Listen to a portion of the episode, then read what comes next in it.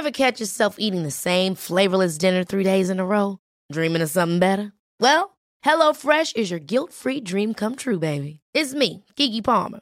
Let's wake up those taste buds with hot, juicy pecan-crusted chicken or garlic butter shrimp scampi.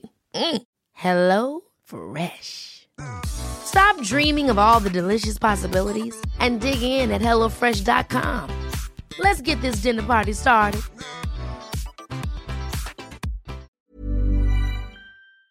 Nu närmar det sig, hörni, Holy Craps Retreat. Äntligen är det dags med våra healing retreats som återkommer varje år och detta år är vi lite extra taggade för vi kommer faktiskt att erbjuda ett retreat i Portugal, där jag sitter nu.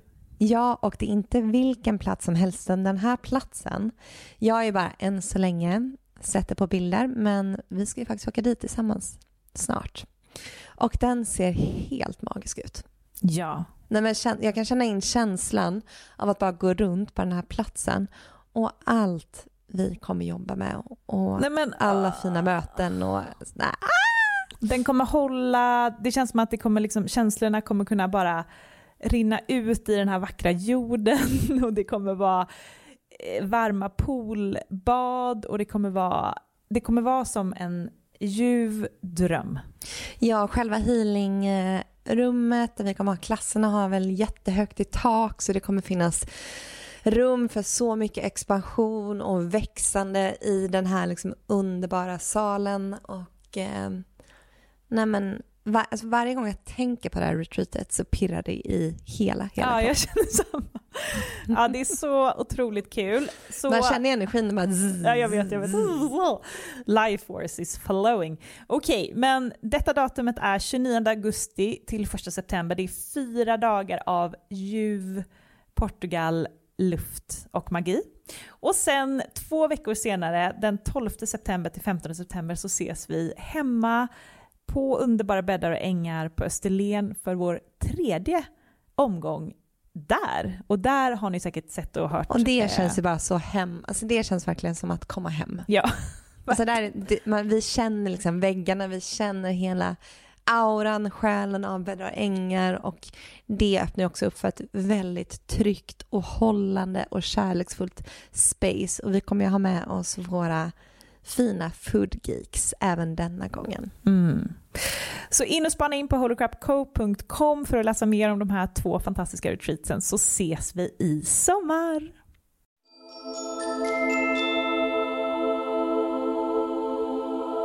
Hej och välkommen till ett nytt avsnitt av Holy Crap Podcast med mig Amanda. Och mig Matilda.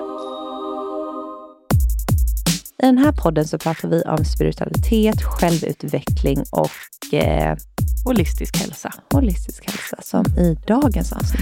Nu är det holistisk hälsa bonanza i det här avsnittet. Ja, nämligen Holistics grundare Bertil Voss. Och vi har ju längtat efter den här intervjun hela våren för att jag var på ett eh, event där jag träffade Bertil och blev helt tagen av hans historia, hans person, all hans kunskap. Det känns som att eh, nej men han lever och lär det här med holistisk hälsa i allt han gör och tar mm. sig för. Mm. Så um, från början så är han en uh, näringsterapeut, naturmedicinsk terapeut eh, med näringsterapi som specialitet. Och sen så startar han då det, eh, vad kan man säga, det holistiska bolaget Holistic. Ja, som jobbar med eh, kosttillskott, det är väl deras främsta produkt. Mm. Rena ekologiska kosttillskott. Och eh, den här intervjun, vi kände inför den här att vi nästan fick lite press för att det finns så mycket kunskap i Bertil så att man skulle kunna fråga om vad som helst. Han är som ett levande uppslagsverk. Ja, och han har ju en eh, väldig tro inom det spirituella och eh, har, eh, var en av de första i Sverige tror jag som lärde ut meditation. Hittade till meditationen när han var 18 år vilket var x antal år sedan, då mm. man förknippade meditation med att knarka. Precis. Han har gjort resan att vara först inom de flesta områden och vet det mesta om, om hälsa och spiritualitet och energier och hur vi ska ta hand om oss på bästa sättet. Så i det här avsnittet så får man en, eh, väldigt fin överblick över hälsa. Vad det är som orsakar sjukdomar idag, vad det är vi ska fokusera på egentligen för att hamna i balans och i välmående, både kollektivt men också eh, hälso, alltså för oss själva. Mm, och vi pratar eh, barndomstrauman, vi pratar om samhället i stort och alla programmeringar som finns i samhället och eh, hur det påverkar oss människor. Och, eh, men att vi ändå ser en förbättring, eller att vi är på väg. Mot Precis, det är upplysning. positivt. Bertil var väldigt positiv och som sagt, han har ju perspektiv på den här utvecklingen och vi är ju mitt i den, har ju inte liksom varit med om den så många år, vi är ju bara 30, men han har ju sett det här sen 70-talet och vad som har hänt och att vi nu är på väg, trots allt, mot en mer medveten värld. Så allt det här får ni höra om i det här superspännande avsnittet. Ja, och eh, Bertil har ju som sagt jobbat med meditation i flera, flera år och har dagligen utövat detta sedan han var 18 år. Så att eh, som en bonus denna veckan så kommer vi släppa en grundande meditation med Bertil som eh, vi gjorde tillsammans med honom när vi träffade honom och eh, den var väldigt, väldigt härlig.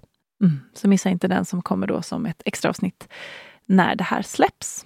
Ja, men nu tycker jag att eh, vi kör igång och hälsar in Bertil i Holy Crap Podcast. Nej, men vi var väldigt eh, ivriga att trycka på eh, record-knappen här för att eh, samtalet, vi började prata så fort vi steg in i rummet här med Bertil Vosk. Så vi kan ju säga hej och välkommen till Holy Crap Podcast, Bertil. Ja, men hej, kul att vara här. Jätte, jättekul. Vi har verkligen längtat efter den här intervjun.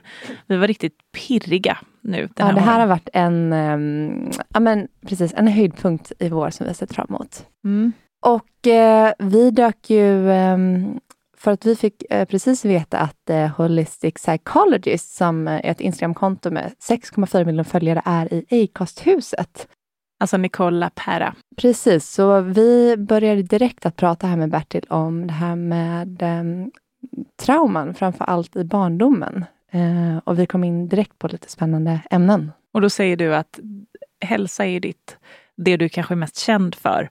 Men det du egentligen kanske tycker är mer spännande, eller lika spännande i alla fall, är det här med eh, spirituell och, eh, och mental utveckling. Ja, personlig andlig utveckling, mm. det är ju mitt eh, främsta intresse. Eh, men när man startar ett företag och har 30 plus anställda, då tar det mycket tid och energi. Och då hinner jag inte fokusera lika mycket på det andra, åtminstone inte, ja, privat kanske, men inte till att verka så mycket inom det området. Eh, men jag gjorde ju det mer innan jag startade företag. Ja. Och hur kommer det intresset? Du sa att du har med ja. dig trauma i bagaget. Ja, så det är ju många, många människor som har en traumatisk barndom och jag har fått min beskärda del. Jag har varit utsatt för, utsatt för många olika typer. Fysisk misshandel ganska mycket redan tidigt, alltså som spädbarn och framåt. Mycket, framförallt psykiska övergrepp, sexuella övergrepp, mobbing i skolan. Så att när jag var tonåring så ville jag helt enkelt inte leva. Mm. Eh, det är mycket för en liten kropp och en liten själ att ta så tidigt. Ja, för att eh, som ni vet, om det ett litet barn behöver bli buret, hållen. Mm. Och om mm. du inte blir hållen och buren, då undrar du vad gör jag här? Liksom. Nej, det finns inget som, för man, man, är ju, man behöver ju det när man är barn, kanske som vuxen också, men mm. särskilt som barn. Och då ger man ju upp.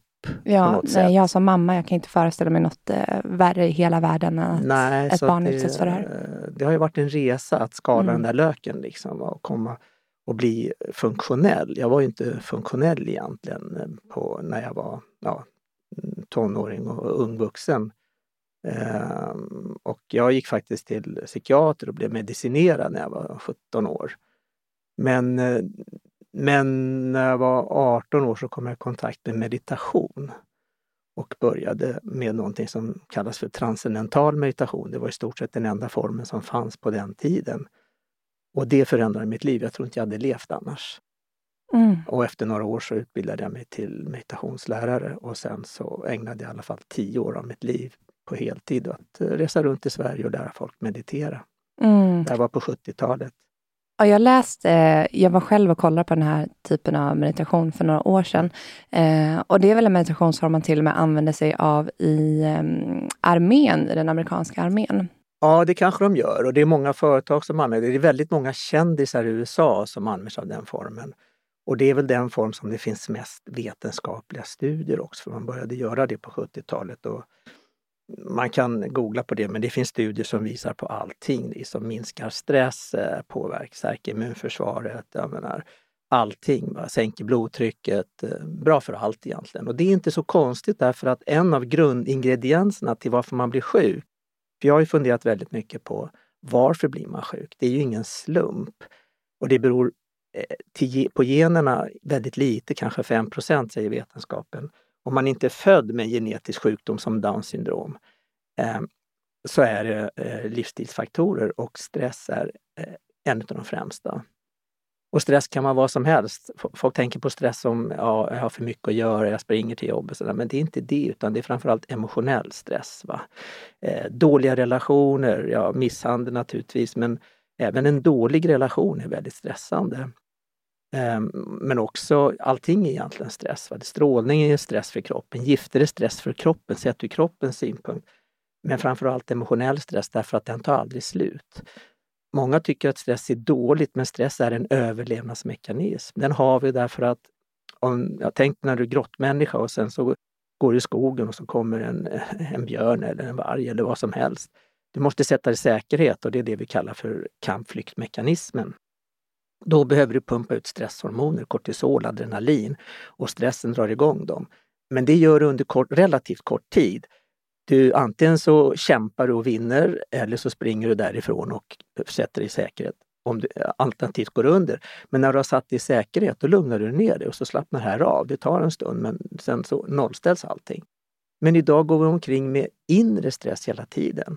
Många människor somnar med stress, vaknar med stress, drömmer med stress och de är, har det här inre påslaget hela tiden. Och det är inte, vi är inte skapta för det. Eh, det är inte menat att vi ska ha stresshormoner påslagna 24-7. Det, eh, det förtär människor inifrån. Det går inte att försvara sig mot. Så man måste hantera stress idag.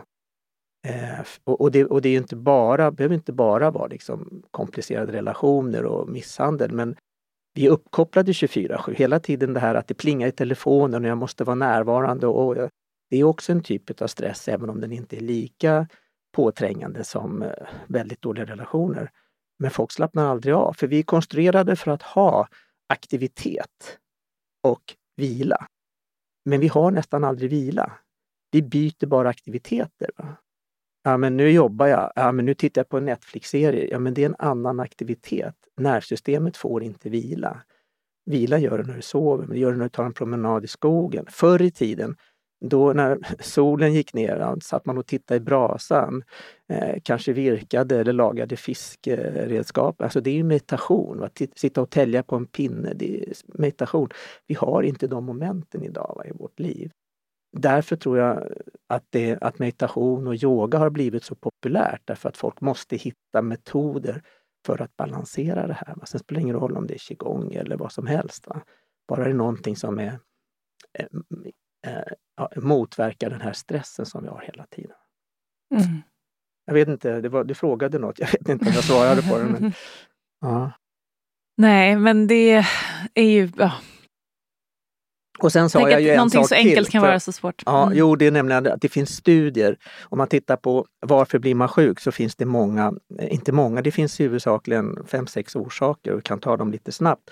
Stress är definitivt en en av de viktigaste. Och stress kan ge upphov till i stort sett vilka sjukdomar som helst. Och det här kan man visa, det tar lite för lång tid, men stress ökar stresshormonerna, men den försämrar matsmältningen, leveravgiftningen, njurarnas funktion, all, all, all möjliga inre organ. Så det beror på vilken som så att säga fallerar först.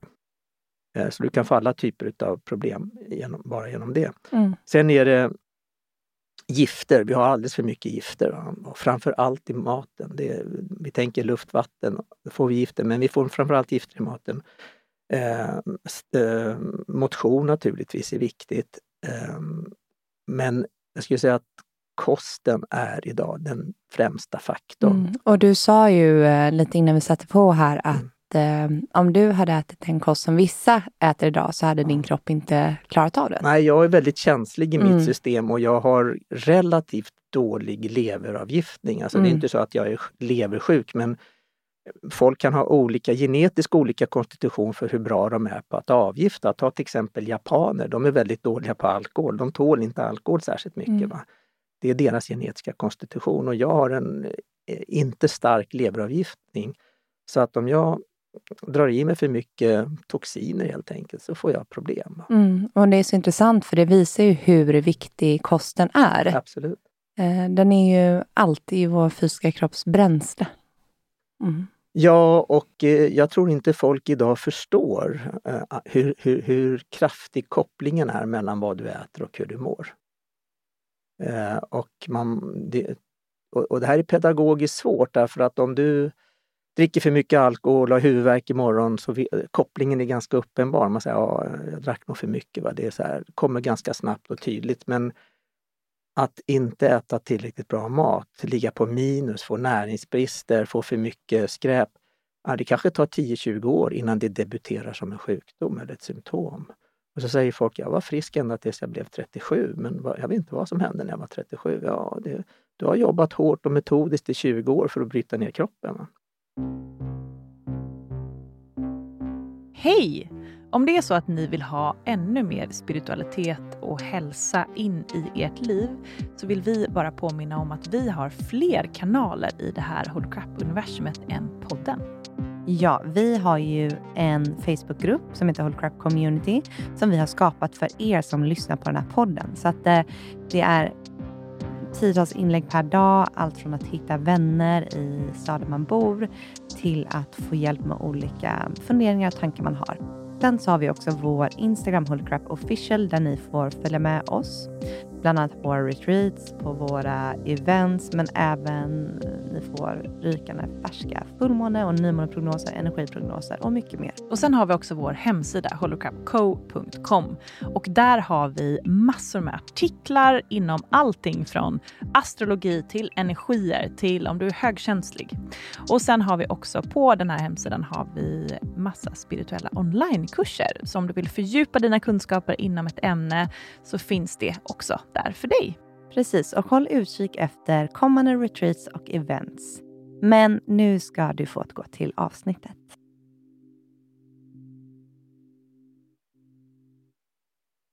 Och hur tänker du kring kost? Vad, hur ser din filosofi ut där? Ja, det är väldigt enkelt. Eh, vi, vi säger att riktig mat, det är mat utan innehållsförteckning.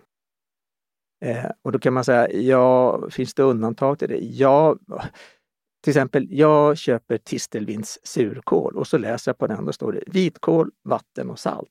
Ja, det är okej. Okay. Men så fort det är mera grejer, eh, då undviker jag det. Så jag köper maten på affären, bär hem den och lagar den själv. Eller så är det någon annan som gör det. Jag äter ingenting som är snabbmat. Alltså det, det är aldrig hemma hos mig. Va? Sen kan det hända att om någon bjuder mig på middag, ja, men då äter jag det som serveras. Va? Hur gör du med att take away och köpa restaurang? Och ja, ja på, på, restaurang. Jag, jag äter på restaurang ibland. Eh, men sällan take away. Liksom. Ja, det är klart, om det är samma restaurang, jag kan ju äta den på plats eller ta med mig.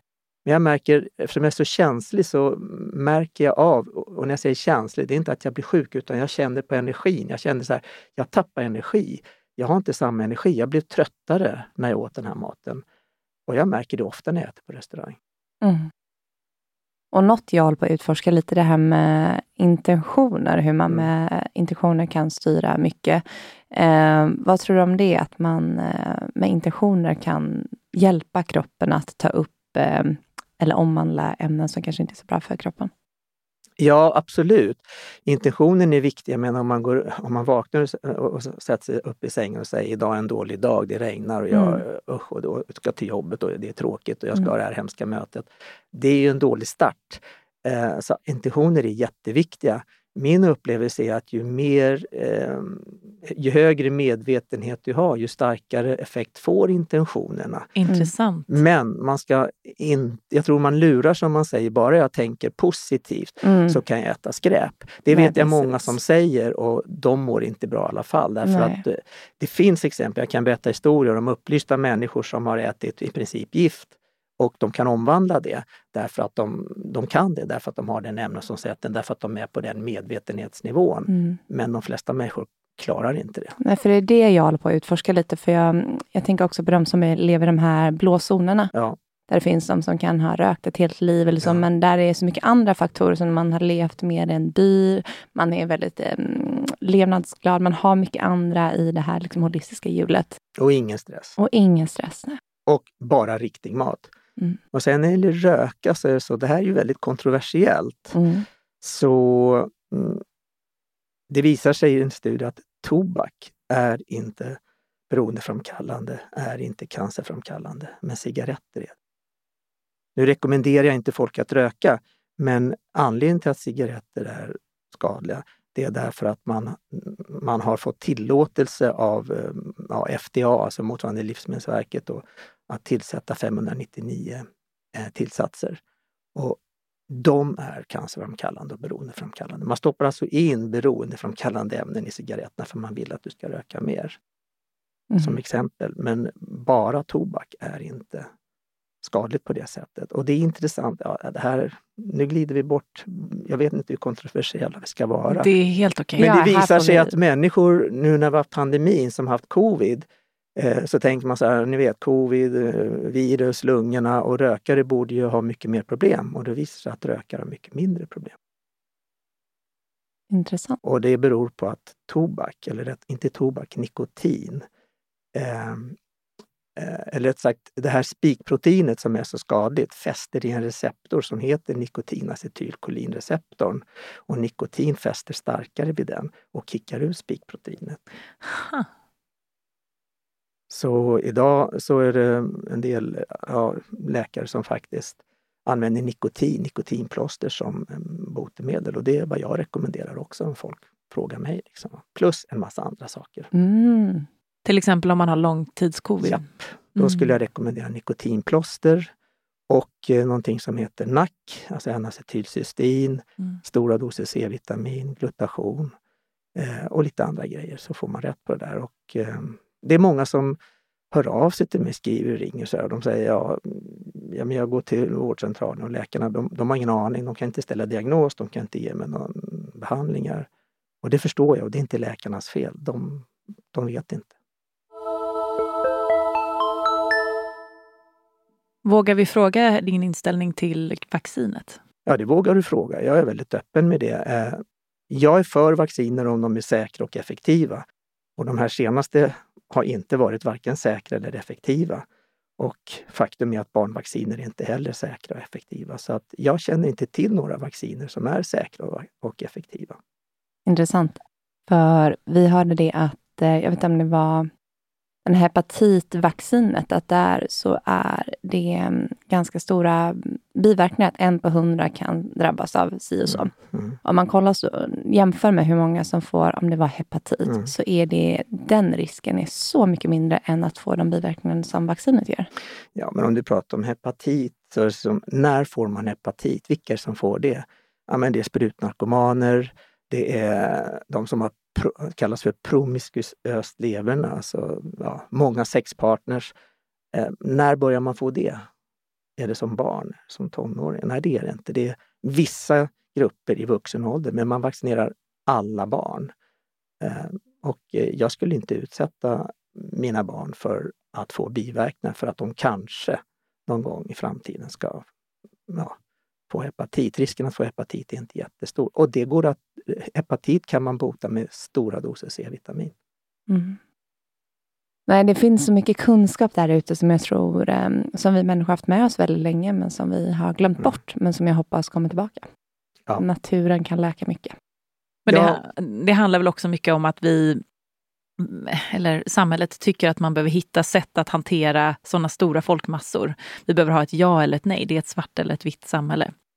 Ja, men eh, en fråga som jag tycker man ska ställa sig om vi tittar nu de här senaste åren. Man har pratat om eh, viruset, vaccinet. Ingen har pratat om att stärka immunförsvaret. Vi har ju ett eget immunförsvar. Vi skulle inte överlevt de senaste två miljoner åren om vi inte hade haft ett starkt immunförsvar. Men det finns liksom ingenting inom läkarvården handlar ju faktiskt om att ta hand om kroppen natur, på ett naturligt sätt. Att... Nej, och det ligger i sakens natur därför att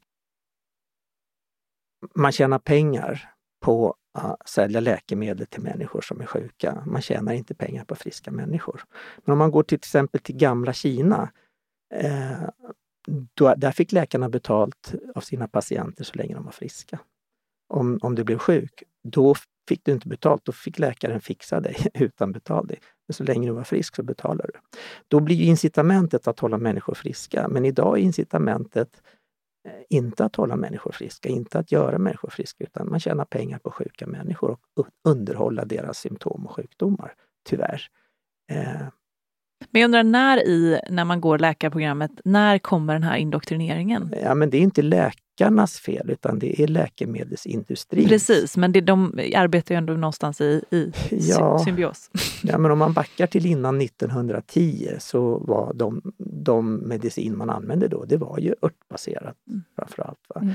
Men eh, 1910 så kom någonting som kallas för Flexner-rapporten. Flexner var en kille som tillsattes för att eh, utreda det här på uppdrag av Rockefeller då.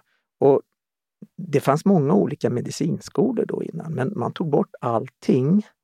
Alltså man verkade för successivt, och det här tog några decennier, att, att stänga ner alla skolor som inte var det som vi idag kallar för skolmedicin och som var baserade på läkemedel som framställdes av olja. Därför att de, alltså Rockefeller var ju stor på olja och idag så framställer man kan framställa många medel, bland annat plaster, men även läkemedel från olja.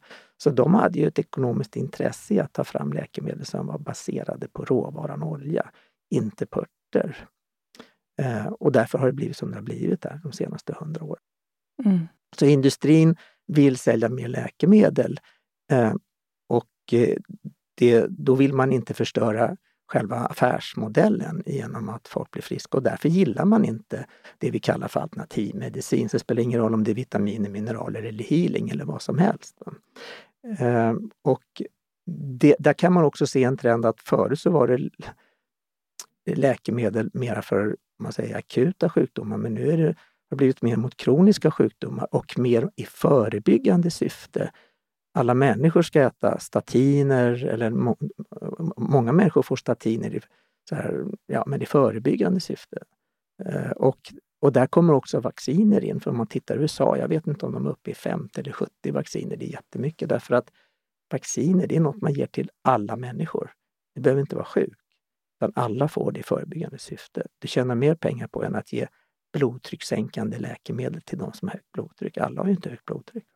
Mm. Så det gäller att förstå själva mm, modellen och det drivs utav, som jag förstår utav att de stora kraven på vinstintresse från aktieägarna som säger men vi vill ha en avkastning på säg 20 procent per mm. år. Ja, då måste de ju skapa det. Tror du att det här någon gång under vår livstid kommer att förändras? Ja, det tror jag absolut. Jag tror inte det är så långt bort för att folk håller på att vakna upp. Och det är inte jag som bara säger det, det är många läkare som säger precis samma sak och framförallt kanske ännu mer i USA att, eh, att själva modellen är i grund och botten inte bra och den styrs av industrin. Den borde övervakas av oberoende myndigheter. Det är ju, det är ju läkemedelsbolagen som själva gör studier på sina läkemedel och då släpper de igenom det de vill. Va? Det ja. borde inte vara så. Va? Jag tror det kommer förändras inom 20 år. Inom 20, ja. Vi märker ju jättemycket i vårt community, vi har ju både läkare och sjuksköterskor mm. och det är ju min mamma som har varit mm. sjuksköterska i 30, 40, mm. hon är 65 nu, ja, mm. många, 50 år. Hon Ja, skitsamma. Hon, eh, hon har nu gått ur och jobbar med administrativt och hon säger det att hon hade inte kunnat vara i vården idag med mm. den medvetandenivå som hon har. Nej. Det är väldigt spännande att just hennes spirituella utveckling kom precis när hon hade hoppat av mm. eh, att vara i, mm. i vården. Och det är väldigt många som säger detsamma. Mm. Och det har blivit mycket tuffare. Det är mycket tuffare nu än för 20 år sedan, till exempel, än för 10 år sedan. Så att eh, jag tror att eh, jag kan inte säga något exakt datum, men jag tror att det kommer att gå relativt mm. fort. Och då behövs det också stora händelser som påverkar mm. många människor. Ja. Att många blir sjuka och många vaknar upp och inser att systemet är fel. Ja. Det är ju då förändring kan skapas. Jag menar, nu ja, leder ju långt bort, men det är många systemfel i vårt samhälle. Vi har till exempel, vi har pratat om läkemedelsindustrin. vi har tittat på, tittat på bankerna, banksystemet. Det är systemfel i den. Va? Det är riggat för att det ska, ja, det drabbar den lille och gynnar den, de som har. Va? Eh, det är samma systemfel inom, inom eh, eh, livsmedelsindustrin där man tjänar mer pengar på att sälja chips än potatis och därför så säljer man mer processade livsmedel därför man tjänar mer pengar på det. Mm. Ja, jag som håller på att skola in min son nu på förskolan kan också se allt som, eh, som sker där och hur barn eh, mm. snabbt får lära sig att anpassa sig, stå i ledet och mm. att inte vilja sticka ut. Även som förälder. Eh, jag håller på med inskolning nu och tycker att det går alldeles för snabbt, att man ska liksom rycka barnet ifrån sina föräldrar i princip. Det är ju det. Ja, många, ja, det, det, är ju många systemfel. Det är likadant, jag menar, vi, pratar barn, alltså mm. alltså vi satsar inte lika mycket på förebyggande, varken på hälsa mm. eller på eh, barnen. Så att, men när de blir kriminella eller mm. faller ur eller, eller blir liksom, ja, då tar vi hand om det. Försöker mm. vi ta hand om det. Va? Eller när de blir deprimerade. Jag menar, vad är det, 10 utav ungdomar, barn och ungdomar går på psykmediciner. Precis, och det kräver ju förändring och jag menar inte att förskola är fel. Det finns väldigt mycket fint med det, men jag drömmer ju om en holistisk förskola mm. där man ger barnen mm. ekologisk mm. mat, där man tidigt tar in mindfulnessövningar, man grundas i skogen, ja. de får vara i friska miljöer. Jag ser ju redan, jag är väldigt noga med att min son äter ekologiskt hemma, men bara det att han utsätts för så mycket icke-ekologisk mat mm. på förskolan, där är det som att jag tappar helt... Eh, ja, jag kan inte gå in och Nej, kontrollera. Men eh, ja, det här kommer ju också ändras på, på sikt. Men liksom, eh, ja, det krävs att tillräckligt många blir tillräckligt medvetna och det är egentligen Många säger så här, ja, men vad kan jag göra lilla jag? Liksom, mm. jag, jag inte... tänker det här passa, för att alla vill passa in, men eh, mm. som jag skrev med en häromdagen mm. som hade motsatt sig den här snabba inskolningen istället för tre, fyra veckor. Hon bara, jag fick så onda blickar av alla pedagoger, lärare. Mm. Men, jag, men jag bara, det är det som krävs, att vi passar ut för att förändring ska ske. Fler måste passa ut ur systemet istället för att passa in och ställa sig i ledet. Absolut. Och det är ju läskigt, Absolut. men det behövs. som man brukar säga, vi röstar ju med vår plånbok. Va? Eh, köp riktig mat så kommer, inte, kommer de inte producera så mycket skräp. Och välj förskolor som passar. Men det är klart, det inte är lika lätt om det inte finns. Liksom. Men, ja. Förändring kommer ske på, i många system, tror vi. Ja, på alla system. Det är jag helt mm. övertygad om. Jag tror Ja, ja, det är många som tycker att det är en väldigt jobbig tid att leva i, men som jag ser det så är det väldigt positivt därför att det kommer upp till ytan. Det har varit problem tidigare med, men nu flyter det upp till ytan. Det blir så uppenbart för så många, vilket kommer leda till att tillräckligt många kommer att säga nej. Och så kommer vi att, att byta system. Men det kommer sannolikt att krävas att det blir lite sämre först, så att tillräckligt många vaknar upp. Men hur är det för dig som har ändå många år? Du har, mycket, mm. du har ett långt perspektiv på mm. den här frågan. Mm. Hur har det varit att ha varit och haft den här medvetandegraden för 30 år sedan? Ja, för kan du inte berätta lite om din historia? För du var väldigt tidig här i Sverige med att eh, ta in det holistiska synsättet och du är ju också grundare till Holistic. Ja, eh, vad var frågan? Alltså, eh, hur var det för 30 år sedan att ha den här medvetandegraden? För jag tänker att du måste ju ha sett så många vågor av eh, att det kommer och går. Eh. Ja, men det var ju, och, alltså, när jag började meditera, då berättade jag för min mamma, så säger hon, har du börjat knarka också? Nej, det har jag inte. För det var liksom liktydigt, det var så här hippierörelse och droger och meditation. Va? Idag så är det meditation i kyrkan och på arbetsplatser, så det har ju hänt någonting. Va? Det är positivt. Eh, när jag började meditera, jag hade aldrig hört talas om meditation, jag hade aldrig hört talas om yoga, det fanns ju inte. Det fanns ju, men jag hade inte stött på det. Men idag finns det överallt. Du, du kanske inte utövar det, men du känner till det. Det har hänt väldigt mycket. Ehm, och också eh, om vi pratar så här, ekologisk mat, alltså det, det är ju en, det är ju inte bara en liten trend utan det blir ju mer och mer. Va? Eh, folk blir mer medvetna. Mm, för vad kan det vara? Ja, men för 20 år sedan var, det, var man glad om man hittade ekologiska bananer. Idag finns det ekologiskt allt möjligt. Va? Men har det varit frustrerande för dig? För det är ändå många år där du har, behövt, ja, där du varit ganska ensam i det här. Mm, ja, det, jag är inte helt unik utan det har ju funnits många. Alla mina vänner var ju ungefär likadana. Va? Men eh, det har ju hänt mycket. Nu är det man säger mera, förut så var det de, de som var kanske lite udda och lite åt hippiehållet och sådär som brydde sig, ja, gröna vågen. Men idag är det ju allt fler. Det är, mm. det är ju en stor del av massan va? och jag tror att det kommer att, ja, det blir, det blir bara mer och mer. Som förstår att det är viktigt med till exempel ekologisk mat. Så som förstår, alltså den stora skillnaden tycker jag är att idag så är det allt fler som förstår att jag måste ta ansvar för mitt liv. Förut var det bara tuta och kör och händer någonting så går jag till doktorn eller samhället fixar tar hand om mig. Idag blir det mer och mer uppenbart för allt fler att nej, men jag måste ta hand om mig själv. Och det är ju den fina, det fina i att vi inte har någon kontroll längre. Vi ser hur saker och ting raserar. Det är mm. krig och mm. fördomar och mm. eh, partier som kommer in i, i mm. riksdagen och så vidare. Och så vidare mm. som gör att vi tvingas ju att hitta både stillheten inom oss men också att ta hand om våra egna liv. Absolut. Och det är ganska fint att man, att man, kan se på den här ganska kaosiga världen på det sättet. Ja, men det har ju blivit en förflyttning från att jag är ett offer till att jag sitter i förarsätet och styr. Eh, det, det, är ju lite traumatiskt i sig, för oj, jag, då är jag ju ansvarig för Man allting. har ingen som tar hand om sig. Ja, men jag är ansvarig för mm, allt i mitt liv. Det är ju tungt. Ja, men det är ju en möjlighet också. Va? Eh, jag är inte ett offer. Okej, okay, om jag har reumatisk verk och jag är ägare till det, ja, men då kanske jag kan göra något istället för bara vara ett offer och fortsätta ha det. Varför går jag till doktorn får jag veta att det är kroniskt, du kan aldrig bli av med det, vi kanske kan ge dig smärtlindrande. Men eh, när man förstår att man äger problemet, kan säga, men har, jag, har jag fått det här så kan jag bli av med det. Jag kan berätta ett exempel. För några år sedan, ja, vad var det, 2000, jag kommer inte ihåg om det var 2005, 2006, då, eh, då jag gjorde ja, dålig rörelse och eh, förstörde menisken eh, i, i höger knä. Och det, och det var verkligen så, jag kunde inte gå. Liksom. Det, det krasade när jag böjde knät. Jag tänkte, ja men det går väl över, det mesta går över. Och, eh, men det gjorde det inte, så till slut så gick jag till vårdcentralen och jag fick sån här magnetröntgen och så kommer svaret, nej men menisken är, är liksom skadad. Och så, ja men det kan väl läka, säger jag. Nej, det kan det inte. Det kan det om det är en spricka i menisken, men i ditt fall så är den mosad, alltså krossad från bakre hornet och fram. Ja, säger jag, men det måste vi kunna läka. Och då säger läkaren, ja, inte i din ålder. Då tänker jag, mm, vi pratar nog med fel person. Ehm, så jag började ta mera kosttillskott just för det och sen började jag meditera på knät. Jag, alltså jag skickar energi. Varje dag så jag ligger i sängen och knämediterar. Jag skickar energi till knät. Liksom. Och det händer inte så mycket, så det, det är inte så dramatiskt att nästa dag var jag bra.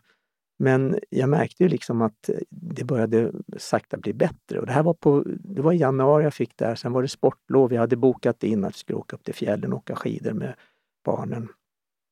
Och vi åkte upp då. Jag kunde inte åka slalom naturligtvis.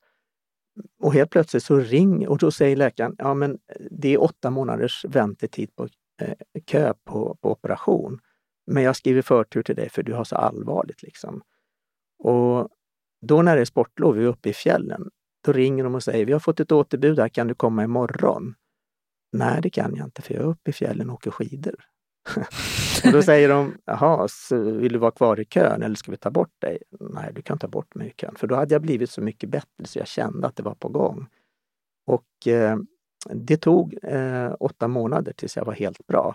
Och min definition på helt bra, är att jag kunde sitta i lotus, alltså i lotusställning. Eh, eftersom jag är yogalärare så jag har ju gjort det hela tiden. Kunnat, jag, kunde knappt, jag kunde inte gå i en trappa. Det tog åtta månader och då kunde jag sitta i lotus.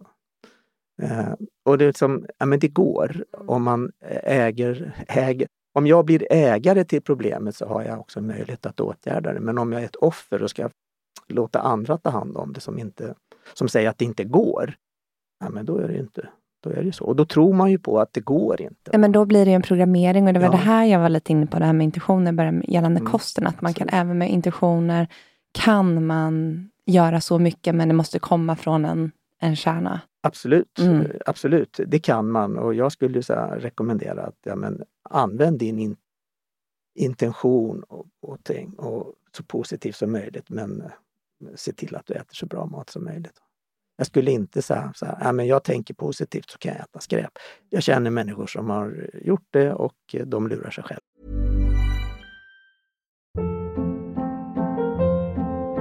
Hold up. What was that? Boring. No flavor. That was as bad as those leftovers you ate all week. Kiki Palmer here, and it's time to say hello to something fresh and guilt-free. Hello Fresh. Jazz up dinner with pecan-crusted chicken or garlic butter shrimp scampi. Now that's music to my mouth. Hello Fresh. Let's get this dinner party started. Discover all the delicious possibilities at hellofresh.com.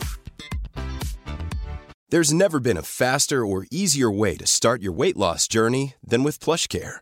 PlushCare accepts most insurance plans and gives you online access to board-certified physicians who can prescribe FDA-approved weight loss medications like Wigovi and Zepbound for those who qualify. Take charge of your health and speak with a board-certified physician about a weight loss plan that's right for you. Get started today at plushcare.com slash weight loss. That's plushcare.com slash weight loss. plushcare.com slash weight loss.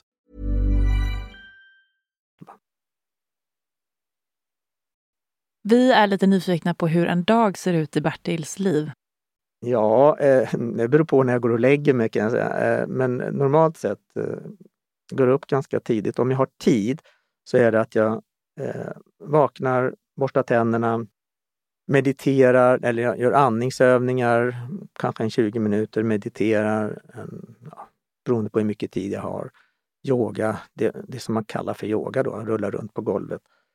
eh, duschar, eh, ja, dricker mycket. Jag dricker, förmiddagarna använder jag till att dricka. Oftast så äter jag ingen frukost utan det blir intermittent fasta. Och visst dricker du eh, ljummet eller varmt ja, vatten? Jag dricker bara ljummet eller varmt vatten. Jag mm. dricker inte kallt vatten. Nej, det har jag också slutat med i mm. stor mån. Mm. Ja, men jag är ju väldigt influerad utav ayurveda, det indiska meditationssystemet. Jag var ju bland annat i Indien nu fyra veckor på en ayurveda-klinik. Mm. Vad är du för dosha? Ja, det, vata. ja. Uh, vata pitta med väldigt mycket påslag på vata, vilket mm. gör, vata är ju den som lättast går in i stress. Mm. Tar på sig saker och och jag tycker det är kul, va? men, men liksom man måste, jag måste balansera det. Med... Ja, jag har alltid trott att jag är Vata Pitta, mm. men visade sig när jag var hos en, gjorde en mm. konstellation, jag är Pitta Kapha. Det... Okej. Okay. Mm. Ja, det hade jag inte trott. Nej, jag trodde också Vata. Ja. Men vem vet, det var, mm. det var hon. Mm. Ja, men intressant. Och, eh, så du äter oftast inget på förmiddagen och det är för att eh, låta kroppen jobba i fred? Ja, får kroppen rensa ut liksom. Va? Mm. Avgiftsrensa och så dricker jag mycket och sen äter jag lunch och kvällsmat. Som regel. Men ibland äter jag frukost. Det, det beror på liksom sammanhang. Och om man har gäster som bor sen och de ska äta frukost, men då äter jag med dem ofta. Sådär. Eller med barnen. Så, ja, men det är lite olika, men oftast inte. Hur aktiv är du i företaget nu? Ja, inte lika aktiv som förut. Förut så var det ju 24-7 under ja, 20 års tid, nästan, eller 15 år i alla fall. Nu sitter jag i styrelsen. Vi har någonting som kallas för styrgrupper, det vill säga för de olika avdelningarna. Men vi har en bra VD, bra avdelningschefer eh, som sköter sina respektive grejer. Men på de här styrmötena så går, en gång i månaden så går vi igenom och tittar. Men, men vad håller de på med? Vart är de på väg? och så. Sen är jag ganska involverad i när det gäller produktutvecklingen och, eh, och jag har inte haft kurser på, ja, sen pandemin då, eller inte mycket i alla fall, några webbinarier. Men jag känner att jag gärna skulle vilja ha lite mm. mer Ja, häromdagen, för att vi träffades på ett eh, holistic-event du och jag. Mm. Eh, och då berättade jag att jag har haft lite problem med min mage och jag har en del allergier. Så häromdagen beställde jag, eller igår gjorde jag det här matintoleranstestet. Mm. Som jag väntar på och ska få hem. Men jag är ju ganska peppad på detta året att läka ut mina allergier.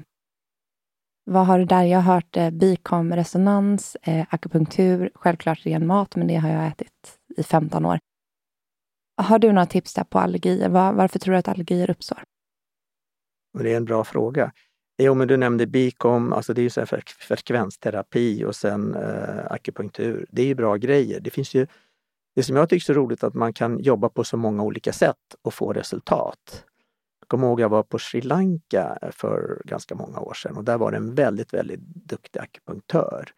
Och jag vet inte om ni känner till vad vitiligo är för någonting, mm. det vill säga att man har mm. vita fläckar. Och tänk dig Sri Lanka, alltså de är lika bruna som afrikaner nästan. Och den här kvinnan har alltså vita, stora vita partier på i stort sett 50% av huden. Han behandlade henne med akupunktur. Och sex månader senare så är hon bra.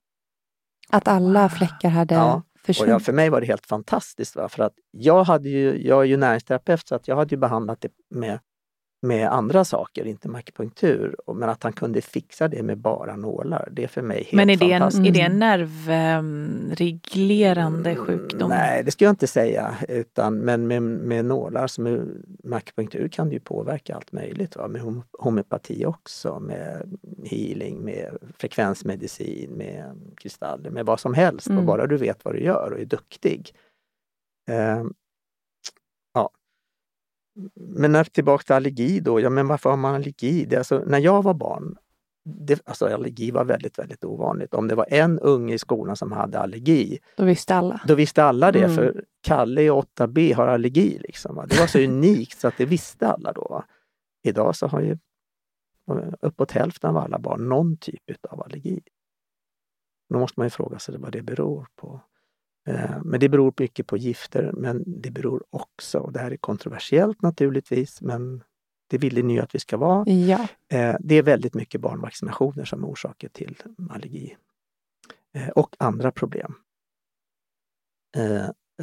Och så att immunförsvaret kommer lite i obalans. Men det där går att fixa på olika sätt och det, går, och det har väldigt mycket med... Vad är du allergisk mot? Är det luftburet eller mat? Eh, det är jordnötter, pälsdjur, mm. pollen, kvalster. Mm. De luftburna borde du kunna komma till rätta med relativt enkelt. Eh, är man allergisk mot mat så är det lite svårare. Eh, men det gäller att ha en bra matsmältning och det, det, det blir svårare och svårare att hitta människor som har en bra matsmältning därför det som förstör matsmältningen väldigt mycket, det är stress. Mm. Och där känner jag mig väldigt påverkad och av just stress. stress. är antingen för att det vi normalt sett kallar för stress, men som vi nämnde, eh, trauma från barndomen. Och eh, som jag sa, det finns ju studier nu som visar att ju fler traumatiska händelser ett barn utsätts för, ju, öka, ju mer ökad risk är det för kroniska problem och sjukdomar i vuxen ålder. Mm. Apropå det med trauma så var ju du lite inne på då att du hade en uppväxt som var ganska utmanande. Och sen att du då hittade till meditationen. Hur, varför tror du att du hittade till meditation och inte blev en problem, ett problembarn eller att det blev att du hamnade snett? Ja, för jag tänker, var det meditationen som startade din, den här spirituella resan och ditt uppvaknande? Som tog dig till där du är idag, alltså vägen dit, där du alltså, är nu? Alltså, jag har ju funderat, alltså redan som barn så hade jag väl andliga upplevelser. Jag kommer ihåg jag var 8-9 år, och tittade upp mot himlen och på den tiden kunde man se stjärnorna, det kan man inte så mycket idag. Och tänkte bara, varför har ni lämnat mig här? För när ska ni komma och hämta mig? Jag hade ju aldrig hört talas om sådana saker, men det kände redan då att det här var, ja, jag hör hemma någon annanstans ungefär. Eh, och var ganska intresserad av olika religioner och filosofi och psykologi läste jag mycket, men framförallt kanske filosofi. Eh, men att jag kom i kontakt med meditation var en ja, slump, om man får kalla det för det. Eh, för jag sökte inte det, utan det var så att en, en klasskamrat till mig, eh, som jag var ja, min dåvarande bästa vän, eh, han hade bestämt sig för att börja meditera. Han har hört talas om det. Och jag tyckte det lät väldigt konstigt. Jag, jag försökte avråda honom från att meditera.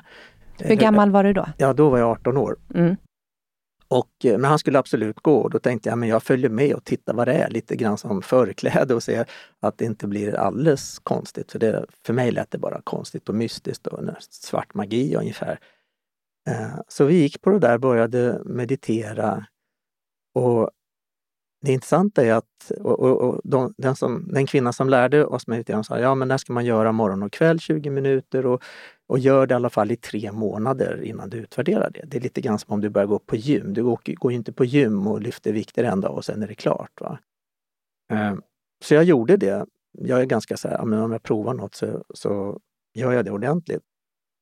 Så det var han som drog dit mig och det intressanta är att efter ungefär tre månader så slutar han att meditera. Och jag har fortsatt sedan dess. Så jag är väldigt tacksam jag är mot honom för att han lurade in mig i det här. Så jag, liksom, det var inte min avsikt egentligen, men det blev så.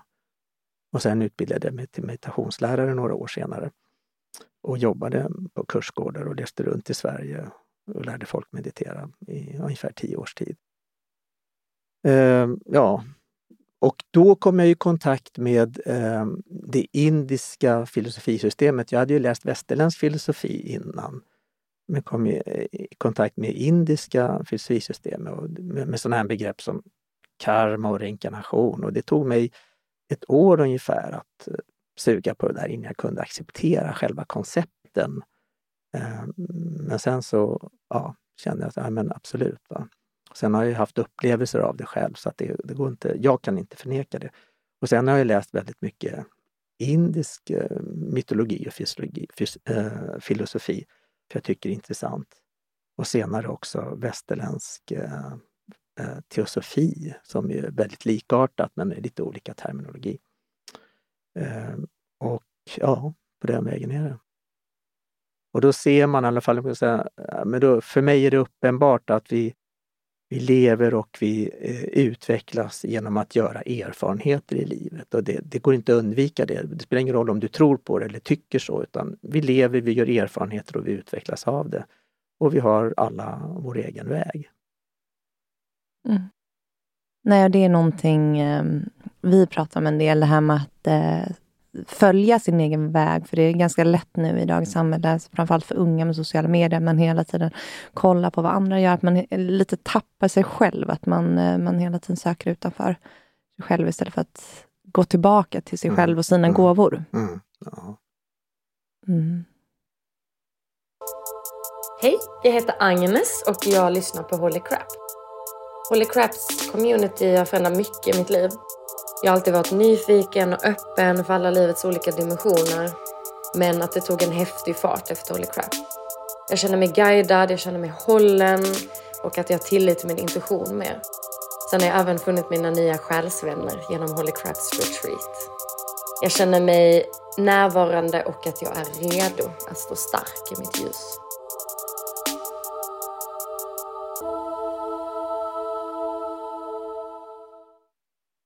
Vad tror du är dina nycklar för ett välmående liv? Du har ju såklart varit inne på en del här nu med gifter och... Ja, för mig personligen så är det att eh, äta bra mat. Mm. Eh, och eh, få tillräckligt med vila. För att vi lever i en tid där det, är, det finns så mycket viktigt, roligt, spännande och att liksom logga ut och säga nej men nu behöver jag vila. Va? Eh, det är en utmaning när allting finns lättillgängligt i telefonen. Mm. Det är därför jag åker till Indien ibland liksom och loggar ut. Va? Därför att jag upplever själv hur svårt det är att vara, för mig i alla fall, att vara hemma och bara ta det lugnt. Eh, så då behöver jag åka bort. Mm.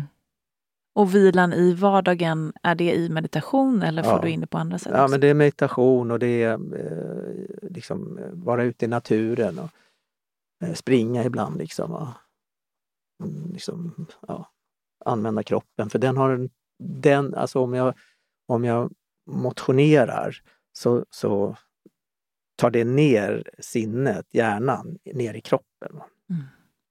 För att eh, jag har ju, eftersom jag är mycket vattapåslag, så jag, jag är väldigt mycket uppe i huvudet. Va? Eh, och mitt huvud stänger inte av sig av sig självt. Mm. Mm.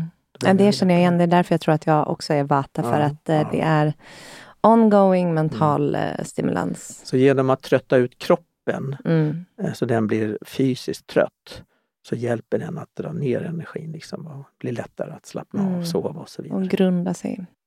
Ja, och så mycket jordning, det är viktigt. Va? Mm. Så när jag mediterar, jag gör ju ett antal olika övningar, men bland annat så jordar jag mig. Bor du ute i naturen eller bor du inne i stan? Jag bor i en lägenhet i Kallhäll. Det är hur korkat som helst för ah. mig. Alltså. Men jag flyttade faktiskt, jag är född och uppvuxen i Stockholm, men jag flyttade 1990 mm, ner till Omberg i Östergötland. Jag ville flytta ut mer på landet. Så bodde jag väl där i 14 år. Men eh, sen träffade jag en kvinna som hade barn i Stockholm. Och, ja, då var det bara att flytta upp. Mm. Så på den vägen är det. Men jag skulle helst inte vilja bo i en lägenhet i Stockholm, men nu är det så. Mm. Och vem vet vad som händer om ett år? Då kanske du bor någon ja, annanstans. så kan det vara.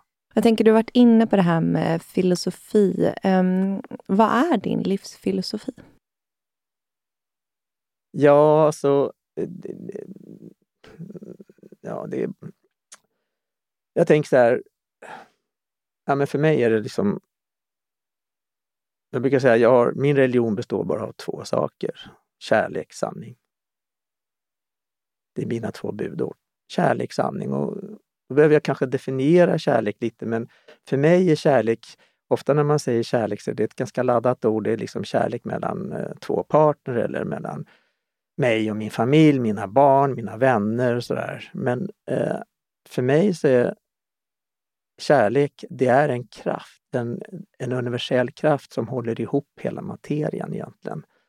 Eh, och eh, det går, för mig, jag kan inte utesluta någonting, så det är kärlek till allting. Eh, till allting, allt som vi kallar levande och allt som vi kallar för icke-levande. Eftersom allting egentligen har liv, det är bara fråga om olika grader av medvetenhet. Det finns en form av medvetenhet i, i djur, i växter och även i stenar, men eh, det är en annan typ av medvetenhet. Och det är att innesluta allting och säga, men jag älskar allt i universum.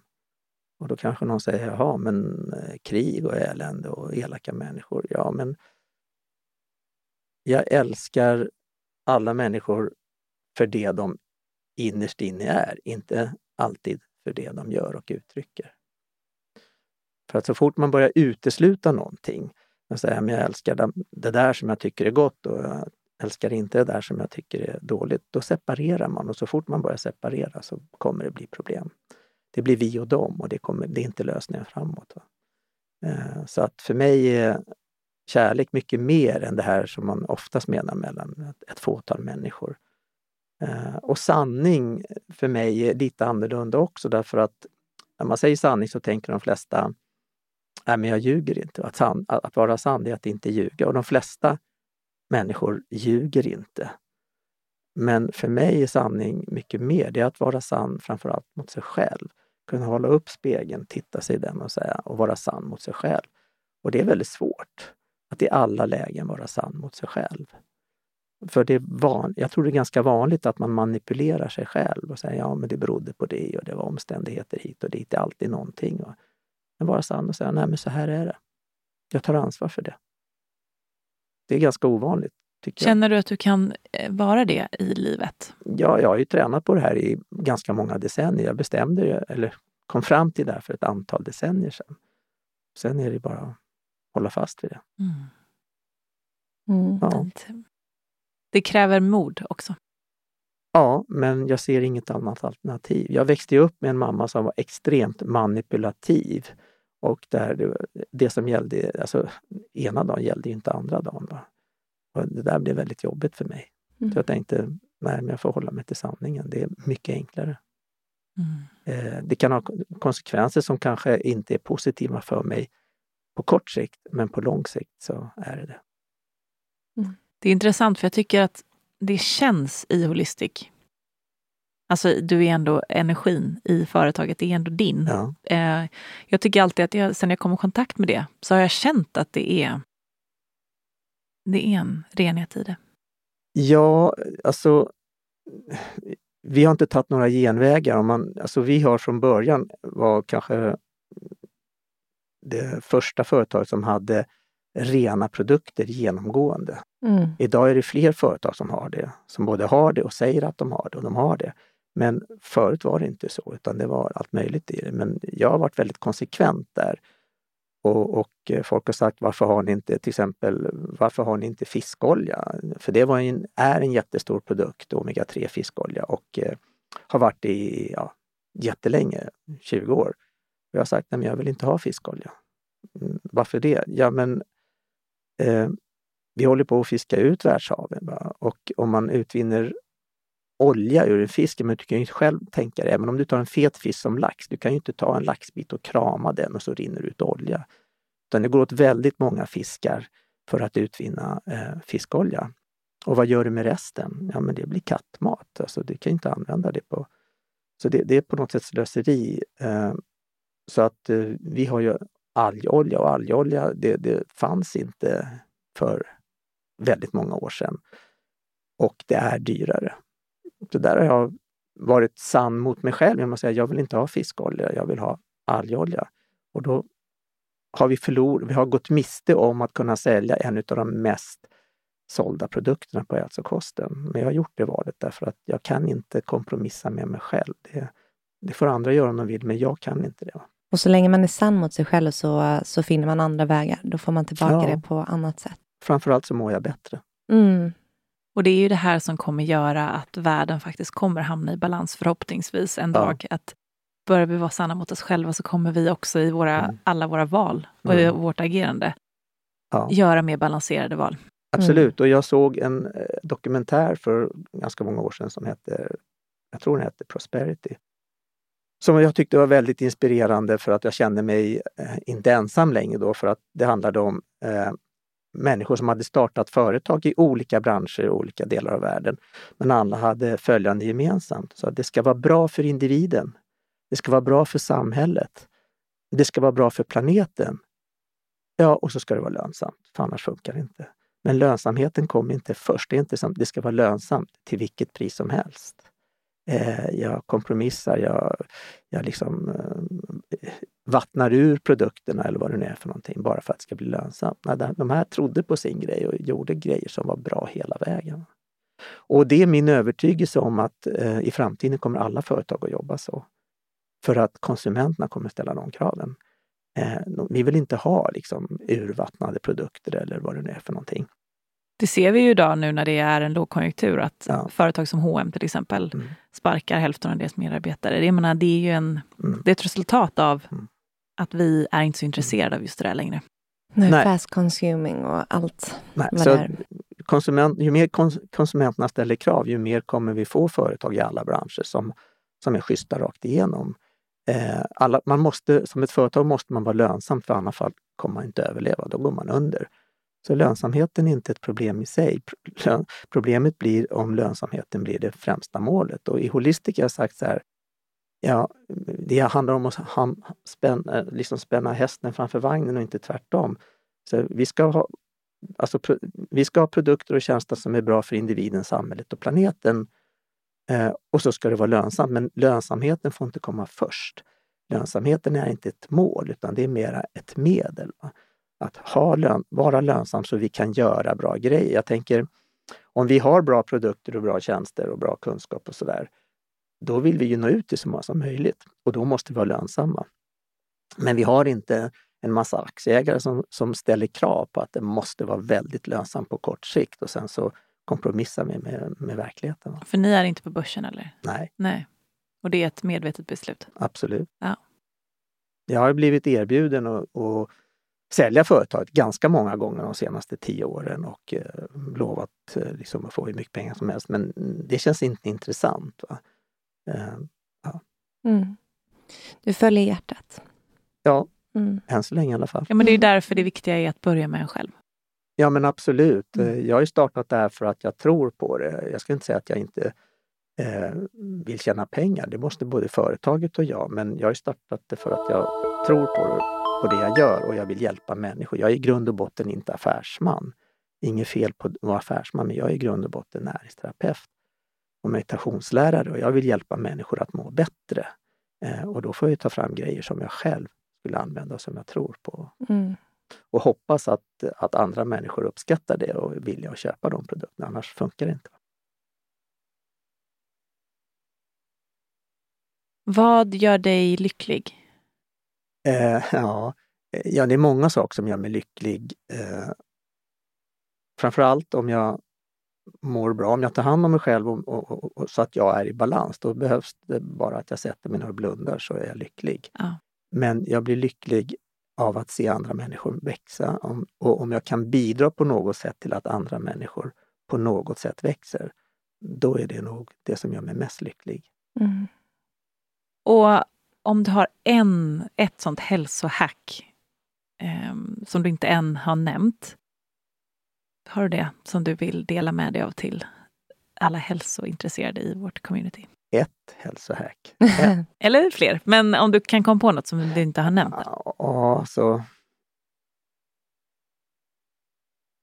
ät riktig mat och tugga ordentligt. Folk tuggar inte för att vi är så stressade och folk tänker sig, vadå tugga? Det är väl bara sönderdelaren.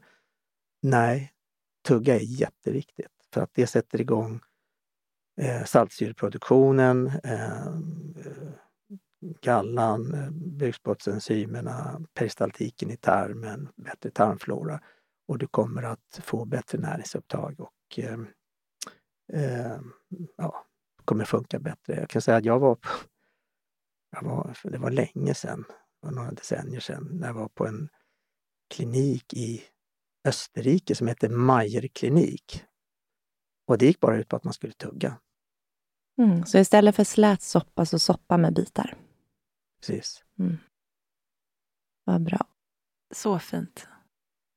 Tusen, mm. tusen tack för den här superfina, härliga och väldigt berikande intervjun. Tack att du kom till mm, Tack snälla för att du kom och gästade Holocrap. Tack ska ni ha, det har varit kul att vara här.